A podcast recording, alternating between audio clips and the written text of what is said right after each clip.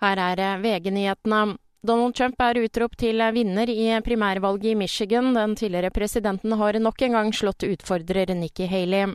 Nikki Haley er Donald Trumps eneste motstander i kampen om å bli republikanernes presidentkandidat. Den tidligere FN-ambassadøren har tapt mot Trump i alle delstatene som hittil har hatt primærvalg. Ved femtiden norsk tid er rundt 41% av stemmene opptalt. Donald Trump har 67,1% mens Nikki Haley ligger på 27,7 Reporter Frode Sti.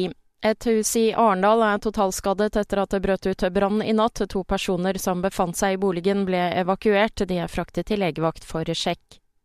I Sandefjord er en 26 år gammel mann dømt til 30 timers samfunnsstraff etter at han ikke tok vare på dyrene sine.